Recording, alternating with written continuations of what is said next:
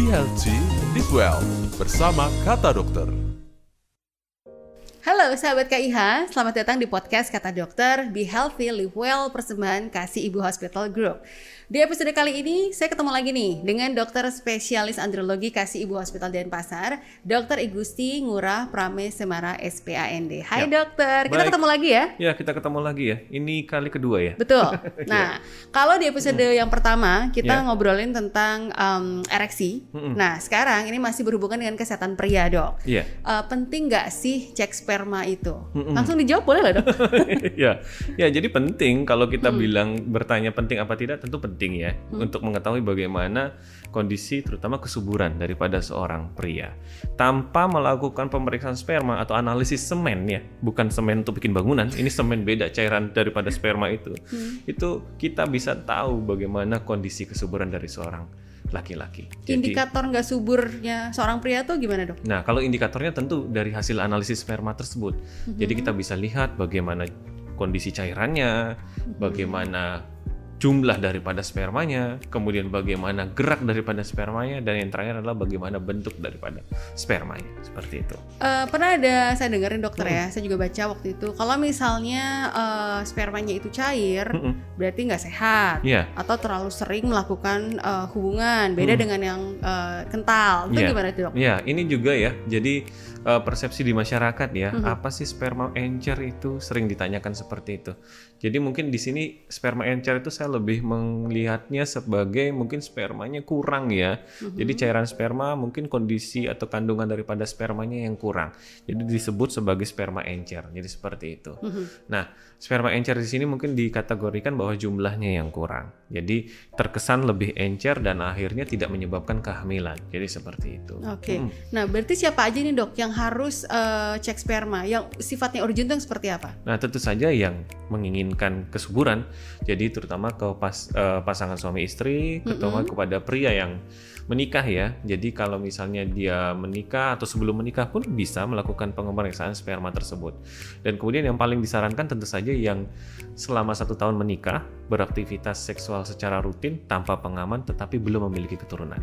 Jadi ini kita kategorikan sebagai laki-laki yang infertil atau laki-laki yang tidak subur. Tidak subur. Jadi penting sekali untuk melakukan cek sperma di laki-laki yang tidak subur tersebut. Oke, dokter bicara tentang sperma eh, laki-laki pastinya Hmm, ya. iya. Banyak sekali mitos beredar di luar sana nih dokter. Salah, salah satunya adalah sperma yang diaplikasikan eh, ke wajah itu Hmm. katanya bisa eh, anti jerawat, anti aging. Iya. itu gimana tuh dok? Ya ini saya juga tidak tahu ya dari mana dasarnya Hmm. sampai banyak ya mitos yang seperti itu beredar di masyarakat ya. Jadi digunakan sebagai masker wajah seperti itu ya. Nah ini saya juga tidak tahu dasarnya seperti apa. Tapi mungkin karena ada kandungan protein di cairan sperma tersebut mungkin asumsinya seperti itu.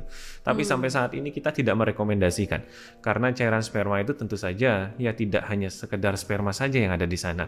Bisa ada bakteri ya yang dari penis, bisa saja bakteri juga dari saluran eh, sperma tersebut, saluran kencing tersebut. Nah, ini tentu saja akan mengganggu dan malah sebaliknya akan bisa menimbulkan masalah di kulit wajah. Bisa menimbulkan infeksi, jerawat dan lain-lainnya. Jadi saya tidak sarankan untuk penggunaan tersebut. Jadi pengen minum air putih saya nih dok ya.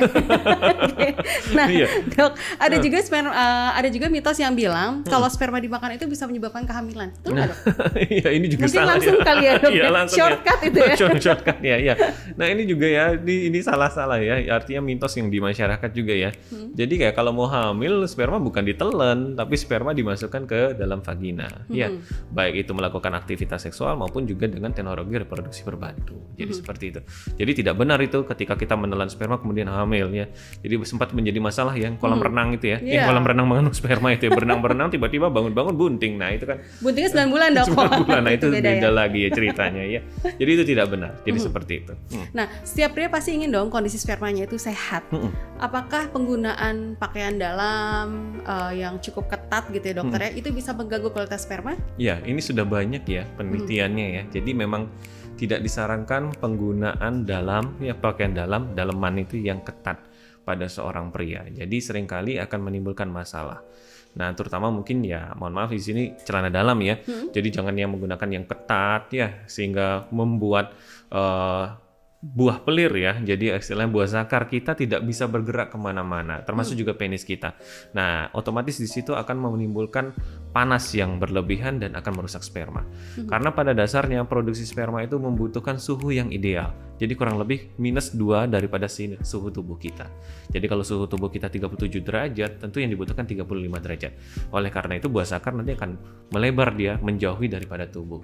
Itu kalau misalnya tubuh kita panas. Tapi sebaliknya kalau di luar dingin, nah eh, kantong sakar itu akan mendekati tubuh. Jadi dia akan menjauh dari yang suhu yang sangat dingin, yang ekstrim. Jadi butuh lebih hangat untuk bisa menghasilkan sperma dengan lebih baik.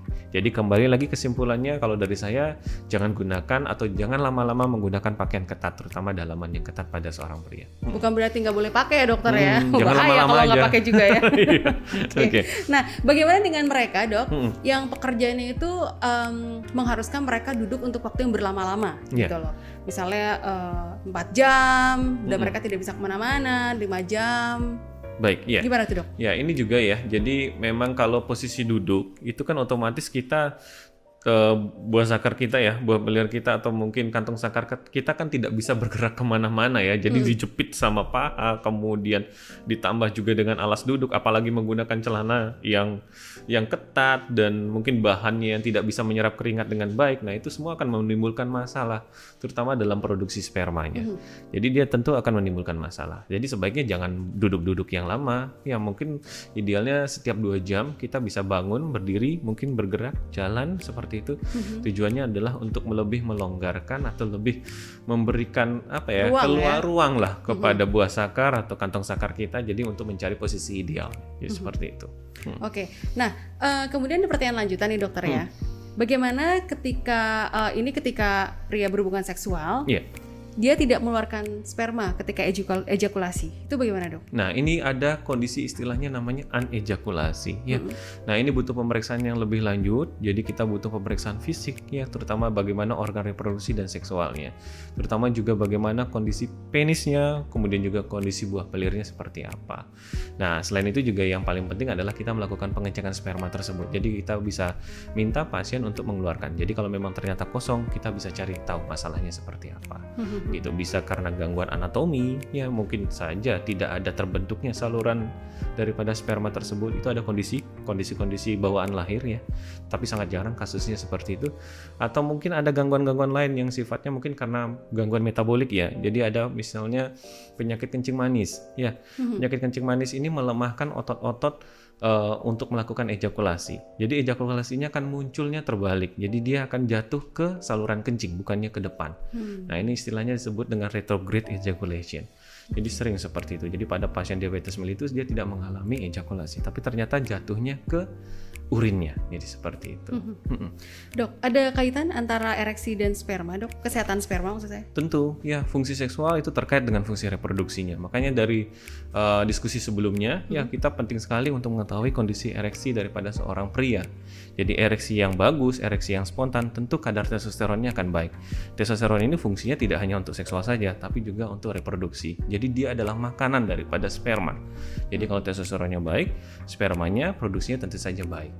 Kemudian dengan fungsi seksual yang baik, otomatis bisa melakukan aktivitas seksual yang baik. Nah, semuanya akan menunjang untuk bisa mendistribusikan sperma itu dengan baik dari laki-laki menuju ke perempuan, vagina perempuan.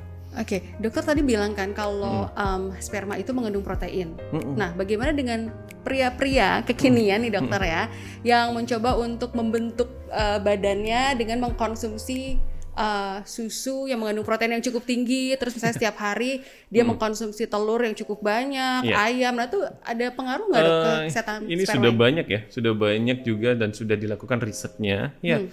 jadi protein yang sering dikatakan untuk meningkatkan berat badan ya atau Hmm. whey protein itu ternyata punya efek yang eh, sebenarnya kurang agak gini ya, agak apa ya namanya kontra ya jadinya ya. Jadi di satu sisi memang ototnya mungkin akan membesar ya, Hmm. tetapi sebaliknya mungkin saja organ kelamin atau organ reproduksinya malah mengalami penurunan atau mengecil jadi seperti itu. Karena istilahnya dia akan menimbulkan namanya feedback negatif. Jadi ada mekanisme umpan balik. Jadi akan menyebabkan hormon testosteron yang harusnya berfungsi di bagian testis ataupun penis itu berkurang. Mhm. Jadi karena lebih dominan dia akan mengarah ke otot. Itu istilahnya namanya hormon testosteronnya dihidrotestosteron. Dia akan berubah, testosteronnya akan terkonversi menjadi dihidrotestosteron. Sebaliknya testosteron yang berfungsi untuk reproduksi akan berkurang. Itu istilahnya. Jadi seperti itu. Jadi saya tidak sarankan konsumsi susu terutama yang membesarkan otot ya, kemudian juga kadang ada suntik-suntikan seperti itu. Nah, itu hati-hati sekali itu akan bisa menimbulkan abuse ya, penyalahgunaan. Jadi ototnya membesar tapi penisnya akan mengecil. Jadi seperti itu. Kalau sudah seperti itu bagaimana dok? Nah, susah ya jadinya kalau sudah Susah telanjur untuk diperbaiki ke bentuk awal gitu. Ya, kalau sudah telanjur ya, apalagi sudah sampai terjadi istilahnya eh, eh, istilahnya udah menghilang ya spermanya bibitnya itu sudah susah sekali. Jadi yang kita bisa lakukan adalah untuk mengembalikan paling hanya fungsi seksualnya saja. Untuk fungsi reproduksinya sangat susah kalau sudah terjadi umpan balik seperti itu. Nah, yang disarankan oleh dokter nih supaya pria-pria ini uh, memiliki sperma yang sehat bagaimana dok? Nah, tentu saja yang paling utama adalah makan, ya minum yang bergizi, ya kemudian juga sama, ya rutin olahraga, ya karena olahraga ini punya korelasi juga dengan kadar testosteron, ya. Jadi testosteron ini penting sekali saya sampaikan di sana untuk fungsi seksual maupun fungsi reproduksi. Di luar itu jauhi juga perilaku yang berisiko, misalnya merokok, alkohol, nge-vape juga sama. Kemudian juga begadang, ya itu juga. Kemudian juga hindari penggunaan pakaian ketat, ya ini semua juga akan berimplikasi terhadap kondisi daripada sperma yang ada di pria tersebut. Selain itu juga mungkin ya yang paling penting ya kalau untuk pasangan atau mungkin pria yang ingin memiliki anak, ya penting sekali untuk melakukan aktivitas seksual yang rutin, terutama di masa subur. Jadi seperti itu. Bicara tentang aktivitas seksual tadi nih dokter ya, ada mitos juga yang bilang kalau sehabis berhubungan katanya si ceweknya tuh harus angkat kaki tuh supaya cepat hamil. Jadi mungkin supaya spermanya turun ke bawah gitu Ya kali. bahkan saya punya pasien ya yang datang ke kasih ibu ya, itu eh, istrinya digantung di gorden kakinya. Ya. Iya, jadi agar katanya biar spermanya nggak mengalir keluar. Nah, ini yang saya salah ya ke saya sampaikan salah ya kepada eh, masyarakat ya. Jadi jangan sampai mitos-mitos tersebut dianggap ya. Jadi sebenarnya cairan sperma atau sperma itu sudah pinternya luar biasa. Ya, jadi ketika dia dipenetrasikan atau diejakulasikan ke dalam vagina, ya vagina si ibu, ya sperma itu luar biasa. Dengan sedemikian cepatnya, sepersekian menit mungkin, dia akan loncat ke cairan vagina. Jadi jangan khawatir, cairan yang meremes keluar pasca berhubungan seksual itu yang keluar cairan sperma, bukan spermanya. Cairannya. Cairan sperma. Jadi cairan sperma yang bisa saja mengandung sperma yang tidak layak atau yang mati, tetapi sperma yang bagus, ya sperma yang luar biasa ya, artinya yang sehat itu akan pindah langsung ke cairan vagina. Jadi jangan khawatir. Seperti itu sampai disiksa segala istrinya ya, digantung, diikat di gorden. Untung nggak digantung tiang bendera ya dokter ya. Iya. Hmm. Oke dokter, berarti penting sekali ya untuk pria eh, ngecek spermanya. Nah ini gimana nih dok? Ada syarat-syaratnya nggak? Ya, jadi untuk sahabat KIH yang ingin untuk melakukan pengecekan sperma, kita dikasih ibu Jalan Tuku Umar nomor 120 ya di Denpasar itu sudah menerima ya untuk pemeriksaan daripada analisis sperma secara rutin. Jadi syarat-syaratnya sebenarnya cukup mudah ya. Jadi melakukan abstinensia seksual atau puasa berhubungan seksual 2 sampai 7 hari. Idealnya sih sekitar 3 sampai 5 hari sebenarnya seperti itu. Kemudian dilakukan pengecekannya di pagi hari ya. Jadi kalau bisa datang ke lab andrologi itu pagi jam 7 mungkin sampai jam 10 pagi ya. Karena idealnya memang dilakukan pengecekan sperma di pagi hari. Kemudian yang terakhir adalah jangan dipastikan jangan sampai jatuh ya samplingnya ya. Jadi sering pasien tidak komplit jadi tercecer di mana-mana atau menempel di gelasnya. Jadi kan nanti kan kita akan memberikan gelas ya untuk melakukan uh, peng apa ya sampling spermanya, ya, pengumpulan sampling daripada spermanya. Jadi dipastikan komplit cairan sperma yang keluar. Dan terakhir kalau memang sulit mengeluka, melakukan atau mengeluarkan di tempat ya di rumah sakit bisa dilakukan di rumah. Yang penting syarat-syarat yang atas tadi bisa di apa bisa dilakukan. Jadi seperti itu. Oke. Dan terpenting adalah mengirimnya segera sampai di rumah sakit maksimal 60 menit. Jadi Maksimal seperti itu. 60 menit. Mm-mm. Nah, sebelum melakukan cek sperma tentunya harus konsultasi dulu dengan dokter Iya, dong. Nah, mm. silakan mungkin dokter bisa menginformasikan Ya, jadi- jadwal dokter. Baik, ya jadi saya sudah sampaikan tadi ya bahwa untuk pemeriksaan sperma kita sudah bisa melakukan di eh, rumah sakit.